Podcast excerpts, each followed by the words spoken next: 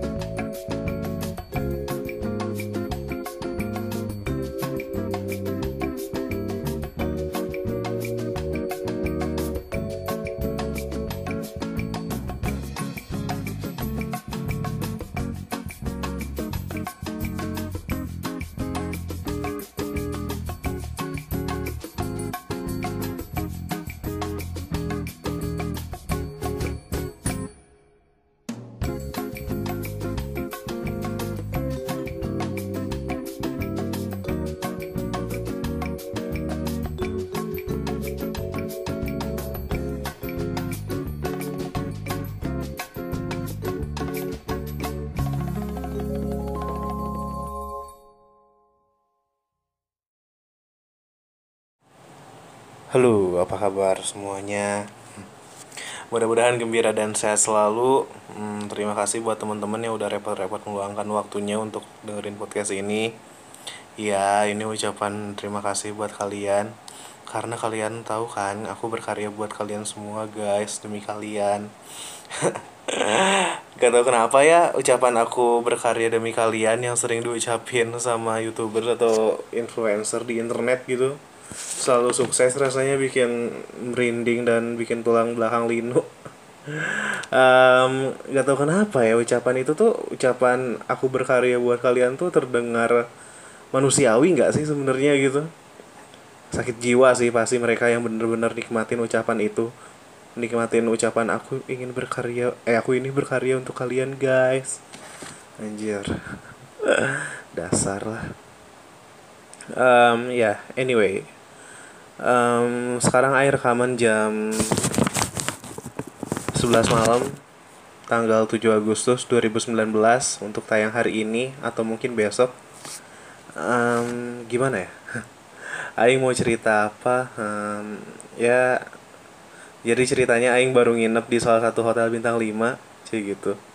Di pusat kota Bandung Hotel Prama Grand Preanger Nah, aing tuh nginep tanggal 4 sampai tanggal 5 Agustus 2019 alias hari Minggu sampai Senin kemarin.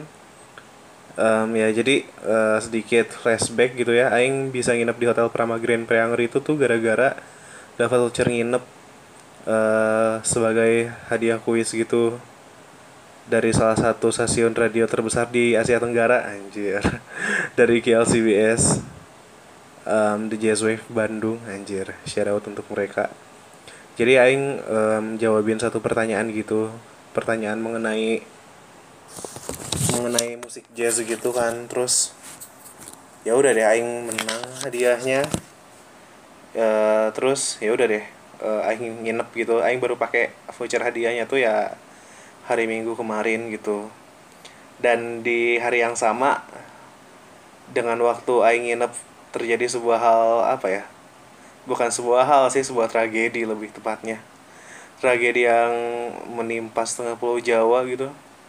Tragedi kah eh tragedi apakah? Gerangan anjir. Ya kiamat kecil itu bernama mati listrik selama kurang lebih 12 jam. Um, yang kena tuh ya mulai dari Jakarta.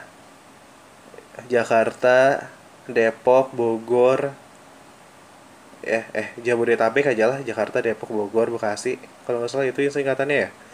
Terus ya ya seluruh Jawa Barat mungkin nggak tahu sebagian besar Jawa Barat intinya Bandung kena sebagian Jawa Tengah juga. Dan ya sinting banget sih asli fuck up banget anjir.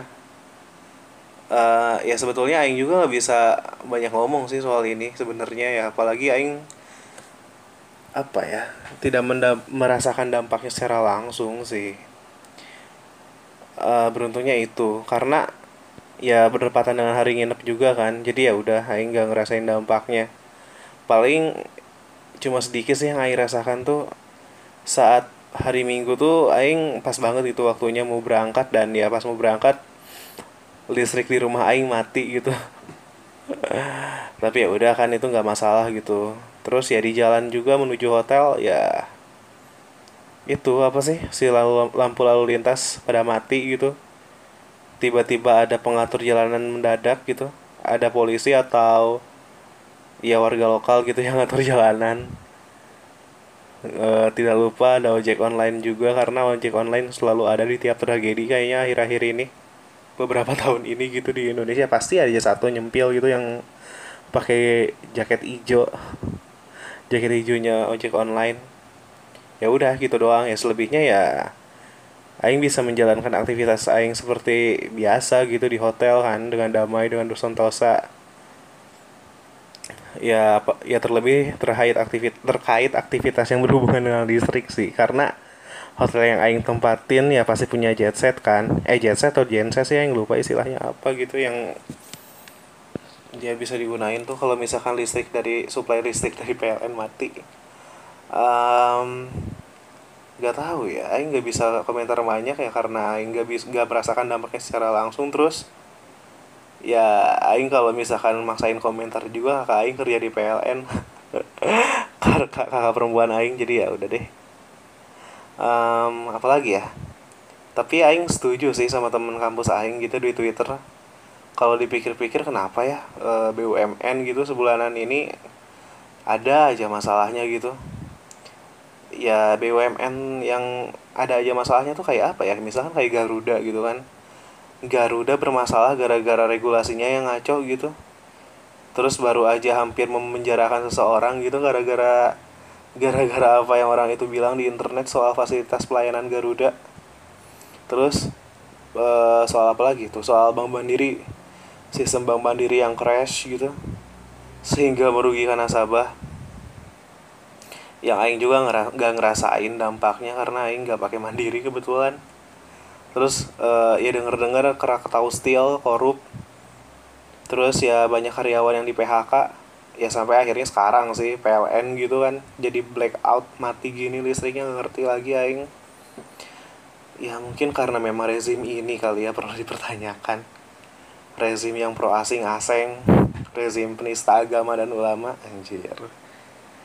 Ingin rasanya aku kembali ke zaman Soeharto. Ah penak zamanku tuh cie gitu. Anjir jadi antek order baru ya yang ceritanya. Apalagi yang mau ngomongin. Tapi ya itu sih tapi dari apa yang terjadi beberapa hari lalu soal tragedi atau kiamat kecil ini ya terlebih soal yang mati listrik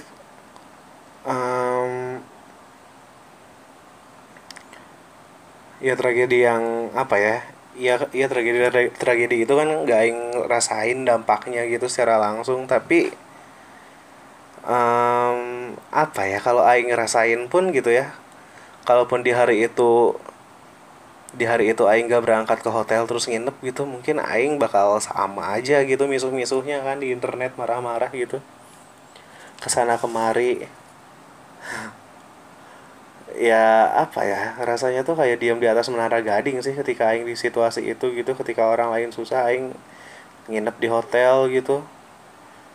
Bagi yang nggak tahu rasanya diam di atas menara gading tuh menara gading tuh jadi istilah gitu kan peribahasa di Indonesia. Di mana e, menara gading tuh istilahnya menggambarkan atau memvisualisasikan ketika kita diam di satu menara yang tinggi gitu kan. Nyaman indah karena kenyamanan itu ya kita jadi tutup mata gitu tentang realita yang ada gitu tentang apa yang sebenarnya terjadi. Nah itu sih yang Aing rasain gitu. Kenapa orang repot banget ya marah-marah gitu di internet? Ya Aing enak aja gitu sendiri kan di hotel gitu. Tapi kalau ngomongin istilah menara gading keren juga ya gitu. Gila kalau dipikir-pikir ada istilah kayak gitu gitu di bahasa Indonesia ya gimana gak diem di menara gading coba aing bisa merasakan pendingin ruangan gitu di kamar hotel. Mandi air panas makan malam yang enak. Itu makan malamnya terbaik sih aing.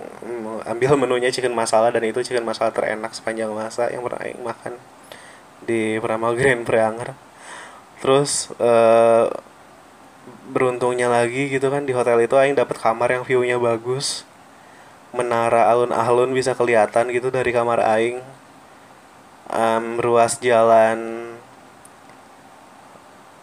uh, apa sih? Tamblong atau Lembong ya? Pokoknya yang ada patung aja tuh kan lu, pa, patung patung pemain bola itu yang ada masjid Lause. Uh, lurus sampai ke arah Lengkong perempatan Asia Afrika Lengkong kalau salah. Lengkong sama Tamlong itu kelihatan rame-ramenya gitu chaosnya gara-gara uh, listrik mati gitu. Um, rumah penduduk kelihatan gelap gitu dari kamar hotel aing. Sementara aing ya ya ini aja masih nyala gitu lampu saat itu. Tapi ya diam di atas menara gading gitu dalam uh, ada di titik itu dalam waktu yang lama. Um, apa ya bisa mati meledak sih pasti aing gitu. Udah mah besar kepala gitu gara-gara sombong terus besar perut juga karena-karena terlalu makan banyak uh, apa sih? Makan terlalu banyak. Ya ada di titik itu juga kayaknya nggak selamanya bisa bahagia kan? Kenapa ya? Mungkin kayak gak ada sense of perjuangan gitu kan kalau misalkan di atas menara gading. Apalagi kalau situasi di situasi itu kita dapetin tuh ya bukan karena perjuangan gitu cuma karena lotre kehidupan aja gitu. Misalkan ketika kita ditakdirkan gitu buat lahir langsung jadi anak sultan yang segala fasilitas dapat segala kemudahan hidup ada gitu. Jadinya ya udah kita nggak peduli sama lingkungan sekitar karena kita diam di atas menara gading kalau kita udah di atas menara gading apalagi coba yang jadi keresahan kan nggak ada gitu. Paling jenuh gitu sama hidup. Aduh merasa banyak kerjaan padahal kerjaan dikerjain sama orang lain aja gitu. Kita cuma tanda tangan tanda tangan berkas. Terus ya kita do uh, eat pray love shit gitu. Pindah ke Bali terus buka sanggar yoga. Aduh no Aing nggak begitu suka juga sih sama konsep hidup yang kayak gitu mungkin karena Aing belum ada di titik itu sepenuhnya makanya Aing bisa ngomong kayak gini. Tapi ya sebenarnya kan yang kalau kata Mark mention gitu dalam bukunya di buku yang judulnya the the subtle of uh, apa sih? The subtle art of not giving a fuck kan uh, dia bilang tuh kalau misalkan orang bahagia tuh karena dia bisa berproses bukan karena dia dapat hasil akhirnya aja gitu soalnya kan hasil akhir nggak nggak nggak melulu apa yang dia kerjain kan. Bisa siapa aja gitu yang ngasih. Nggak us nggak perlu usaha sendiri pun bisa gitu dapat hasil akhir gitu. Ah. Jadi ya gimana ya ing? I don't know. Makanya kalau dilihat dari situasi kayak gini kadang-kadang Aing suka merasa iri sih jujur gitu sama orang yang punya privilege akan sesuatu kayak ya itu orang-orang yang diam di menara gading the real orang yang diam di atas menara gading gitu. Sesuatu yang udah lama dari san eh yang udah ada gitu dari sananya terus kayak ya udah nggak ada usaha gitu ya udah ini aing dapat karena aing yang punya privilege itu. Terus ya kita yang gak dapat privilege itu kan menyalahkan keadaan tuh karena sesuatu yang gak, gak kita punya. Ya kayak sakit sih kalau misalkan terus larut dalam hal itu dan Aing juga sebetulnya lagi belajar sih untuk gak jadi orang kayak gitu. Um, ketika ketika Aing rasa Aing berhak gitu atas privilege itu tapi ya situasi berkata lain gitu. Aing ya harus masih banyak berjuang dan belajar lagi. Soalnya ya privilege yang Aing maksud ini uh, by the way bukan melulu soal harta atau tahta ya tapi you know apa ya misalkan kalau misalkan Aing bisa gambarin tuh kayak misalkan contohnya Aing suka iri deh gitu misalkan sama orang yang Aing tahu dia tuh super tolol super males tapi nilai nilainya bagus gitu di kampusnya. Padahal Aing udah belajar mati-matian tapi nilainya segini-gini aja gitu. Apalagi Aing kuliah di kampus yang sangat strict soal nilai gitu. Mungkin teman-teman yang kuliah yang kuliahnya satu kampus bisa relate gitu sama Aing kita udah belajar mati-matian udah udah ke sana kemari gitu diskusi segala macem. Tahu-tahu karena karena 90 menit atau 75 menit waktu di ruang ujian ya kita dapat nilai yang pas-pasan gitu dan itu sering terjadi. Di kampus aing tuh ya dapat C tuh udah syukur banget tau. Apalagi B atau A bahkan itu udah naik haji kali udah seneng gitu tapi ya itu ada orang yang kelihatannya tuh super tolol dan males tapi nilainya bagus gitu apa-apaan apa-apaan gitu. Um, ya itu sih maksud aing tuh biasa tuh di kampus negeri rata-rata yang kayak gitu yang ujiannya take home. Um, terus dosen gak pernah hadir tapi absen jalan terus anjir. Gak tau aing gak akan ngomongin itu terlalu jauh aing takut digugat males juga kan. Anjing. Oh iya gara-gara hal itu gitu ya. Gara-gara aing ngomongnya ke sana kemari gitu aing sebetulnya udah beberapa hari rekaman kan sebelum ini tapi kayak udah deh aing tahan aja gitu. Aing nggak akan keluarin rekaman itu karena aing tahu pasti ada yang tersinggung dan lain-lain. Jadi ya udah deh uh, simpen aja buat sendiri atau enggak aing olah lagi materi yang aing rekam sebelum sebelumnya um, lanjut lagi ya itu sih. Maksudnya ya ya kadang aing suka iri gitu dengan orang-orang yang kayak gitu. Tapi aing belajar untuk tidak. Ya privilege yang aing maksud tuh kan gak melulu soal harta. Kalau misalkan soal harta tuh kayak misalkan apa ya? Kayak misalkan um, ya mungkin di umuran 20 di di usia sebaya gitu ya uh, kelahiran 98 umur 20 tahunan. Pasti ada aja gitu orang yang kelihatannya tuh nggak kerja ngapa-ngapain kuliah enggak kerja enggak. Tapi ya udah gitu di internet kelihatannya foya-foya aja gitu. Belanja terus liburan terus duit dari mana anjing? Dari orang tua atau dari orang tua yang lain gitu. Tapi ya itu balik lagi gitu. Kita nggak bisa membandingkan hidup kita dengan orang lain. Karena kalau aing baca gitu di bukunya Pangeran Siahaan eh di bukunya di blognya Pangeran Siahaan kayak um, apa ya? Tiap orang tuh kan beda-beda ya. Titik nol orang tuh beda-beda dan tidak semua orang ada di, di titik yang sama gitu ini bagus banget sih si Pangeran Siahaan bilangnya. Um, Aing baca sedikit deh ya. Aing lupa eh uh, dia persisnya ngomong apa? Wow bentar ya. Kayak di blognya tuh ya si Pangeran Siahaan tuh kan bilang gitu bahwa bahwa um, um, um, um, ntar ya yang ini. Lagi search dulu nah.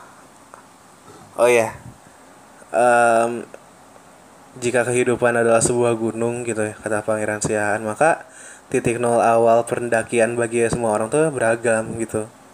Ada yang harus memulainya dari kaki gunung ada yang bisa naik mobil hingga ke tengah ada yang bahkan naik bisa naik helikopter gitu sampai titik maksimal sebelum kaki mencapai puncak. Jadi maksudnya ya ketika kita mengibaratkan gitu ya menganalogikan hidup tuh kayak naik gunung gitu. Terus setiap orang tuh kan titik awal pendakiannya tuh kan bisa beragam gitu titik nolnya. Ada yang harus dari kaki gunung ada yang bisa naik mobil gitu sampai tengah-tengah terus dia jalan gitu sampai puncak. Ada yang bahkan naik helikopter gitu sampai titik maksimal sebelum dia harus jalan kaki ke, ke puncak tapi uh, kata pangeran Sihaan di blognya tuh um, sebagian orang lain ada juga yang ada juga yang bahwa perlu usaha lebih untuk hanya mencapai kaki gunung. Beberapa bahkan tak sanggup untuk memulai. Jadi ya titik kok titik. Uh, tiap orang tuh ada titik yang berbeda sih. Dan Aing setuju sih sama perumpamaan ini gitu. Kalau kalian yang kalau ada dari kalian yang pengen baca gitu artikelnya tuh ada di pangeransiahaan.com uh, judulnya tidak semua orang memulai dari titik yang sama dan Aing setuju sih sama konsep itu. Gitu. Ya ya maksudnya ya bahkan ada orang gitu yang nggak sanggup untuk mendaki gitu dan ketika kita nggak sanggup mendaki ya kita nggak akan jadi apa-apa gitu. Ketika kita nggak jadi apa-apa kadang kita terus menyalahkan keadaan gitu. Masturbasi penderitaan masturbasi penderitaan yang aing maksud tuh ya itu sih. Jadi kita larut aja gitu menikmati penderitaan gitu. Capek tapi enak gitu kan kalau masturbasi capek tapi enak. Gak tahu ini analogi yang tepat atau enggak sih ya untuk menggambarkan orang yang gagal terus menikmati penderitaannya dengan istilah masturbasi penderitaan. Tapi ya dari situ aing belajar juga gitu untuk uh, menerima diri sendiri tuh atau atau atau menjalani proses pencarian diri gitu. Apalagi di usia-usia sekarang ya mungkin relate sama teman-teman semua yang dengerin. Karena karena ya gitu kan kita kita ada di fase di mana kita tuh bingung gitu. Kita tuh sebetulnya siapa apa yang kita suka apa yang kita ingin gitu. Anjir ini kayak kayak ini ya kayak premisnya orang mau MLM ya. Apakah anda bingung akan masa depan anda? Um, tapi tapi gitu ngerti gak sih maksud aing? Kayak kayak kita tuh harus mungkin mungkin ya kita tuh harus mencari sesuatu yang kita cari selama ini tuh ya ke dalam gitu bukan hanya keluar. Um, kita tuh terlalu tenggelam gitu dalam kebisingan dunia luar sampai nggak sadar gitu apa yang salah dalam diri sendiri. Karena ya itu sih yang aing lakukan gitu selama ini kan dengan aing iri terhadap orang lain dengan aing malah jadinya nyinyir ke orang lain gitu. Um, ya gitu sih. Kita harus sering-sering komunikasi sama diri sendiri dan aing lagi belajar kan hal itu. Maksudnya aing gak mau sih jadi orang yang menyebalkan di usia tua nanti gitu ketika aing masih aja gitu membandingkan orang apa ya menilai orang yang lebih sukses dari diri aing karena karena sebat, sebatas sebatas privilege yang dia punya gitu. Ah ini mah sukses ya. Iyalah sukses. Orang dia orang tuanya orang tuanya ini misalkan orang tuanya apa raja minyak misalkan. Ah pantas lah dia sukses. Orang dia modalnya kuat. Dari orang tuanya dia dapat warisan berapa miliar misalkan. Nah kadang-kadang aing tuh kayak gitu sih. Um, mencoba menyalahkan keadaan terus gitu. Sampai ya kita harus ada di satu titik di mana kita tuh sadar kan bahwa kesalahan tuh bukan ada di di luar tapi di dalam diri kita. Dan itulah yang aing lagi nikmatin sekarang gitu dari hidup gitu. Ketika aing bisa punya punya apa ya istilahnya tuh punya kesadaran untuk mencari sesuatu yang salah dalam hidup aing ya ke dalam gitu bukan keluar bukan ke orang lain terus menyalahkan orang lain atas kegagalan kita gitu atau ke ketidaksempurnaan kita. Karena ya memang itu harus dicari sih soalnya ngeri juga gitu. Apalagi kan ya aing masih muda gitu mungkin teman-teman juga masih muda tuh yang dengerin gitu. Um, usia kita kan rata-rata 20 tahunan gitu 20 sampai 23 lah yang dengerin podcast ini. Atau seenggaknya yang baru masuk ya ya, ya atau seenggaknya yang 18 sampai 23 lah kayaknya yang dengerin podcast ini. Terus kayak kalau misalkan kita merasa gagal sekarang gitu ngeri juga sih. Karena misalkan nih aing usia kan 20 tahun. Terus di usia 20 tahun ini tuh aing merasa gagal gitu dalam hidup. Terus ya udah aing gagal. Uh, sementara sisi lain angka rata-rata usia orang tuh sampai maksimal ya 70 tahun gitu. Nah, kebayang gak sih ketika misalkan aing umur 20 tahun terus aing merasa gagal terus aing harus menghi meng apa ya? menjalani hidup aing gitu selama 50 tahun ke depan dalam kegagalan anjing ngeri juga sih. Maksudnya itu sih yang jadi keresahan aing gitu ketika aing tuh apa ya? di titik ini gitu aing teh nggak mau nggak tahu mau ngapain nggak tahu mau apa yang mau aing kerjain. Eh, nggak uh, tahu apakah apakah aing tuh layak gitu untuk mendapatkan ini semua yang aing punya sekarang. Karena gitu ya kalau misalkan ngomongin ngomongin um, kalau ngomongin apa yang kita punya tuh nggak ada habisnya gitu untuk kita bandingkan ke orang lain gitu. Dan gak ada habisnya juga untuk gak kita syukuri gitu walaupun gitu setelah kita lihat-lihat kayak apa ya kayak istilahnya tuh aing ya aing aing lihat diri sendiri gitu. Aing kayak ya aing punya punya ruang privat yang cukup luas gitu yang aing suka. Aing punya pacar yang yang sangat-sangat spesial buat aing gitu yang pengertian yang baik yang lucu yang cantik yang yang apa ya istilahnya tuh yang jadi pe penyeimbang kekurangan aing. Aing punya lingkungan yang suportif punya orang tua yang yang sangat-sangat sangat-sangat role sangat-sangat bisa jadi role model buat aing entah itu ayah aing almarhum atau mama aing sekarang. Tapi ya itu sih kadang-kadang aing nggak bersyukurnya tuh anjir kalau misalkan aing bisa ngobrol gitu bisa komunikasi secara langsung gitu tok-tokan gitu sama Tuhan kayak kayak aing pasti udah dibinasakan sih kayaknya dengan dengan aing yang kayak uh, dengan aing yang sekarang gitu. Ya itulah. Kebanyakan mikir bisa gila. Um, terus ya gitu kan uh, kayak aing lihat gitu fenomena-fenomena yang terjadi gitu di internet. Ya balik lagi ke tragedi mati listrik itu itu kayak kayak ada aja gitu kan yang membandingkan gitu penderitaan. Yang yang membandingkan uh, penderitaan yang dia uh, punya gitu dengan penderitaan orang lain gitu. Kayak itu istilah itu yang yang aing bilang tadi gitu. Masur masturbasi penderitaan kayak apa ya misalkan tuh yang di internet tuh yang yang aing lihat gitu yang aing perhatiin selama tragedi mati lampu ya walaupun aing gak mengalami tragedi itu dan aing gak bisa komentar banyak banyak soal itu tapi kayak yang nyebelinnya tuh gini loh ketika ketika misalkan ada orang ngeluh nih uh, siapa misalkan uh, seleb gitu uh, orang ibu kota gitu orang Jakarta ngeluh ini kenapa sih mati lampu bla bla bla bla bla bla aing nggak bisa ngecas HP aing ini ini pendingin ruangan aing mati nih misalkan. Terus terus dijawab gitu kan tiba-tiba ada yang nyamber gitu orang dari luar daerah. Kayak anjing manja manja banget lo gitu. Maksudnya lihat nih daerah kami um, listrik mati tanpa memberitahuan selama itu udah biasa kali katanya gitu. Entah itu dari Kalimantan atau Papua gitu ada yang nyamber tiba-tiba. Ya maksud aing kayak ayolah gitu. Itu bukan hal yang keren gak sih untuk membanding-bandingkan gitu? Penderitaan yang kamu alamin sama penderitaan orang yang lain yang dialamin yang orang lain alamin itu. Kayak tiap orang kan ya itu maksudnya punya uh, ada titik yang berbeda gitu.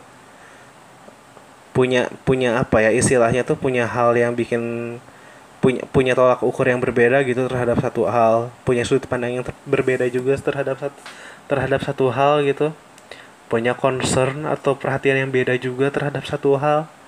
Kayak kalau lebih luas lagi gitu ngomongin hal itu kayak contohnya tuh ya kayak misalkan beberapa minggu lalu gitu Rich Brian diundang ke istana disambut sama Pak Jokowi. Terus kayak kayak di diomongin gitu soal prestasinya tuh apa aja. Terus terus si Rich Brian-nya juga promo gitu tentang album baru. Terus terus ada yang nyamber gitu kayak halo Pak Jokowi gitu misalkan. Lihat nih anak-anak hafiz Quran yang ya, yang yang berkontribusi lebih untuk agama. Masa nggak diundang ke istana sih? Masa rapper yang suka ngomong kasar yang yang tidak ada Indonesia Indonesia sama sekali yang diundang? Kenapa nggak nggak ini nih Hafiz Quran? Kenapa ini nggak nggak diperhatikan? Kayak ayolah gitu. Maksudnya kayak ada aja ya yang yang ini gitu. Yang yang yang dibandingkan gitu. Maksudnya Aing nggak nggak nggak menyalahkan gitu. Kalau misalkan kalian mau ber, ber, ber apa ya bersudut pandang bahwa Rich Brian gak pantas gitu terus lebih pantas orang itu wajar sih. Soalnya kan itu tergantung preferensi dan sudut pandang kalian tapi ya kalian juga ketika bersudut pandang gitu ya harusnya kalian mempertimbangkan sudut pandang orang lain juga kan gitu. Tiap orang kan ada ada porsinya gitu. Tiap momen ada porsinya. Aing nggak tahu sih cara ngomong yang tepat tuh kayak gimana tapi ya itu hal yang gak keren juga sih untuk dilakuin gitu. Kayak misalkan um, aing tuh paling gak suka lagi tuh kayak kalau misalkan ya itu itu satu. Terus kayak misalkan um, ada musibah apa gitu. Terus orang apa ya? Terus orang tuh kayak kayak kayak membantah musibah itu menggugat musibah yang dilakukan gitu untuk menyumbang ah daripada nyumbang ke hal ini mending aing nyumbang aja untuk saudara-saudara kita di Palestina dan lain-lain. Iya betul. Kalau misalkan kalian gak mau nyumbang gitu terhadap satu isu itu ya udah gitu kalian bantu aja saudara-saudara kalian di Palestina gitu misalkan. Kayak I don't know kayak ada aja gitu yang yang yang yang digugat gitu dari dari sesuatu. Dan itu nggak salah sih itu jadi sehat juga kan untuk ekosistem gitu. Ketika ketika nggak semua gak, gak, gak semua hal jadi positif gitu. Justru itu sih kalau misalkan uh, satu hal terhadap satu hal pendapatnya sama semua kan ngeri juga gitu. Tapi ya kalau misalkan sebelum mah boleh kayak Lia kayak Aing gitu. Um, kayak gitu sih kenapa ya orang-orang di internet tuh? Aing nggak ngerti lagi sih. Sejauh mana peradaban kita um, sampai ke titik mana gitu? Um, Aing jadi inget gitu kata si Adri ya udahlah teknologi udah sampai sini aja gitu kita mau se semaju apa lagi gitu. Makin maju tuh makin banyak hal yang diributin ya enggak sih makanya ya itu kadang kan aing ya terjebak gitu dalam kebisingan dunia luar sampai lupa terhadap apa yang harusnya aing perhatikan gitu terhadap aing diri aing sendiri. Makanya ya apa ya? Orang-orang di internet emang aneh sih khususnya Twitter gitu ya soalnya kan sosial media yang yang yang aing paling lihat gitu yang aing, paling perhatiin tuh ya Twitter sih saat ini gitu. Dan ya berisiknya bukan main sih ketika ketika kita buka Twitter tuh kayak kayak masuk ke pasar gitu pasar yang jauh lebih ramai daripada pasar baru Bandung atau pasar Tanah Abang di Jakarta kayaknya berbagai suara gitu muncul muncul gitu.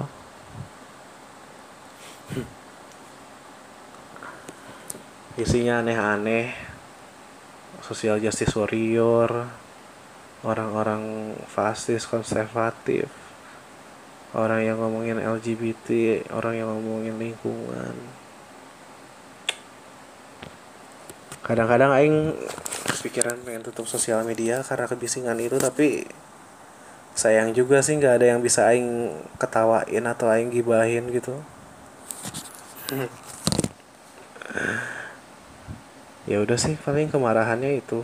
Terus apalagi yang aing bahas ya? Keheranan dan kemarahannya cukup sampai situ. Terus yang aing mau bahas apa? Hmm. aing baru-baru ini lagi dengerin Richie Brian uh, suka aja gitu aing tahu gimana dia berproses. Um, sekarang dia kan baru ngeluarin uh, album tuh judulnya Sailor dan benar-benar kelihatan banget gitu progresnya dari dari album Amin sampai sampai album Sailor. Dari singlenya yang Dead Stick sampai yang sekarang kan kayak Kids, Rapa Papa, Yellow Aing tuh tahu Rich Brian tuh dari zaman dia Rich 3 terus lagunya tuh bukan bukan yang Dead Stick tapi yang ini Living the Dream. Kalau kalian pengen tahu ada kok masih ada kayaknya di YouTube uh, Living the Dream tapi bukan si Rich Brian-nya gitu yang upload tapi orang lain. Dan dan dan apa yang disampaikan di lagu Living the Dream tuh sampai kenyataan gitu loh. Kayak lirik-liriknya tuh kayak apa ya Living Dream tuh yang sampai apa waktu SMA tuh lagunya yang yang pertama kali tahu SMA kelas 3 uh, um, apa ya? Malu aing nggak bisa nyanyi tapi intinya gitu sih. Kayak kayak uh, aing bakal ke California usia 18 bla bla bla. Terus kejadian gitu dan itu itu anjir luar biasa sih. Maksudnya benar-benar benar-benar apa ya benar-benar definisi definisi ini sih ngejar mimpi tuh bener gitu. Kadang kan kita bermimpi ya udah gitu jadi ngayal babu aja tapi dia benar-benar jalanin benar-benar improve. Aing nggak kebayang sih e, cara dia gitu untuk mengatasi writer block gitu. Ketika ketika dia mentok dalam berkarya terus apa yang dia lakuin gitu. Soalnya ya dia termasuk produktif juga kan dari dari satu album ke album yang lainnya tuh nggak betul nggak nggak perlu waktu yang lama gitu. Tenggang waktu setahun kayaknya. Ya dari album Amin gitu sampai The Sailor. Kayak kayak album Amin kan yang lagu-lagunya yang yang ini sih yang yang kalian semua pada tahu lah kayak kalau kalau misalkan yang denger gitu. Kayak kayak story Seventeen. Apalagi ya Glow Like Glow Like That eh apa sih? Glow Like That terus apalagi banyak lagunya tuh yang sama si Joji tuh. Terus ke album Sailor yang benar-benar ngangkat sisi personalnya. Dari beberapa lagu tuh yang yang paling suka lagunya Curious gitu judulnya dia nyeritain tentang tentang bagaimana dia khawatir gitu. Dia bisa keep up gak di industri kayak gini? Soalnya Aing dulu nggak punya nggak pernah punya temen. Terus dia cerita bagaimana dia tuh um, kangen sama sama rumah. Cerita soal ibunya kayak kayak relate aja gitu sama Aing yang yang Aing tuh udah di fase menuju dewasa gitu. Gimana rasanya ya kalau ninggalin rumah gitu untuk kerja gitu. Sementara aing ya udah sama ibu. Aing kan selama ini sama mama aing gitu. Hmm. I don't know. Banyak banyak hal-hal cengeng yang yang muncul bermunculan di kepala gitu ketika aing dengerin lagu itu. Tapi ya itulah kekuatan sebuah karya ya. Kayak kayak apa ya istilahnya tuh kayak kayak seneng aja gitu aing kalau misalkan udah ketemu sisi personal dari dari, pembuat karya gitu. Dan ya bener sih memang raja hip hopnya di eh raja hip hop lagi emang representasi hip hop yang sesungguhnya sih maksudnya dalam konteks hip hop Indonesia bahkan Asia gitu lah yang ngerasa. Bukan kaleng-kaleng lah kayak si itu apa si rapper yang kepalanya kayak titik penyu gitu yang labodo amat lagu barunya. Itu juga nggak tahu nggak tahu punya dia nggak tahu bukan tuh. Rame juga tuh. Itu di twitter. Um, sampah banget ya Aing ngomong apa? Aing lupa lagi. Um, soalnya Aing mencoba untuk membiasakan diri sih untuk rekaman kayak lucu juga aing ingkar terhadap diri sendiri gitu. Aing pengen konsisten bikin podcast tapi aing baru berani bikin lagi sekarang. Soalnya kayak aing tuh sebetulnya sebelum rekaman yang ini aing udah rekaman kan. Kayak dua tiga kali tapi aing ah ini aing nggak bener nih ngomongnya. Udah aing kata aing kata aing cut gitu. Tapi yang sekarang kayaknya aing bakal publish aja deh. Uh, meskipun ya hasilnya bakal sampah juga tapi ya udah deh belajar buat berproses. Hmm, apalagi yang mau ngomongin udah gitu kali ya. Deh semua. Oh ya by the way kalau misalkan kalian mau kalian bisa follow instagram saya di at lukirez. Terus uh, kalau misalkan mau mutualan gitu di twitter uh, di add duh suasana uh, buat manjang-manjangin durasi kalian bisa nanya terus aing jawab sih di podcast kali uh, di podcast edisi selanjutnya kalau kalian mau nanya gitu atau ada topik itu sangat-sangat membantu sih untuk untuk aing tuh lebih banyak lagi ngomong soalnya soalnya ternyata monolog tuh ribet juga ya susah juga ya. Apalagi kalau misalkan preferensi dan ilmunya belum cukup gitu untuk ngomong gitu kayak aing sekarang um, gitu sih. Iya kalau misalkan mau bisa nanya aja gitu kan mention di Twitter gitu atau kalau kalian mau DM aja apa pun lah. Kayak kalian mau nanya atau misalkan kalian mau curhat aing bacain kok. Anjir ya iyalah aing bacain orang belum banyak juga yang akan nanya kayaknya kalau misalkan ada yang mau nanya juga. Um, gitu aja kali ya edisi kali ini ya mudah-mudahan suka um, sebarin konten ini ke teman-teman kalian kalau kalian mau. Uh, sampai jumpa minggu depan. Anjir minggu depan lah. Ya aing uh, targetnya targetnya ingin ming, uh, seminggu sekali sih bikin podcast sekali uh, bikin podcast gitu. Ya mudah-mudahan terlaksana lah. Aing juga udah udah banyak sebenarnya yang pengen aing omongin. Cuma ya belum belum aing jahit aing belum aing susun aja gitu paling gitu sih yang mau aing ngomongin sekelibet keresahan yang yang tidak terstruktur ini. Ini udah 40 menit ya jadi sampai jumpa ya teman-teman. Salam salam sejahtera semua anjir. Apalah dah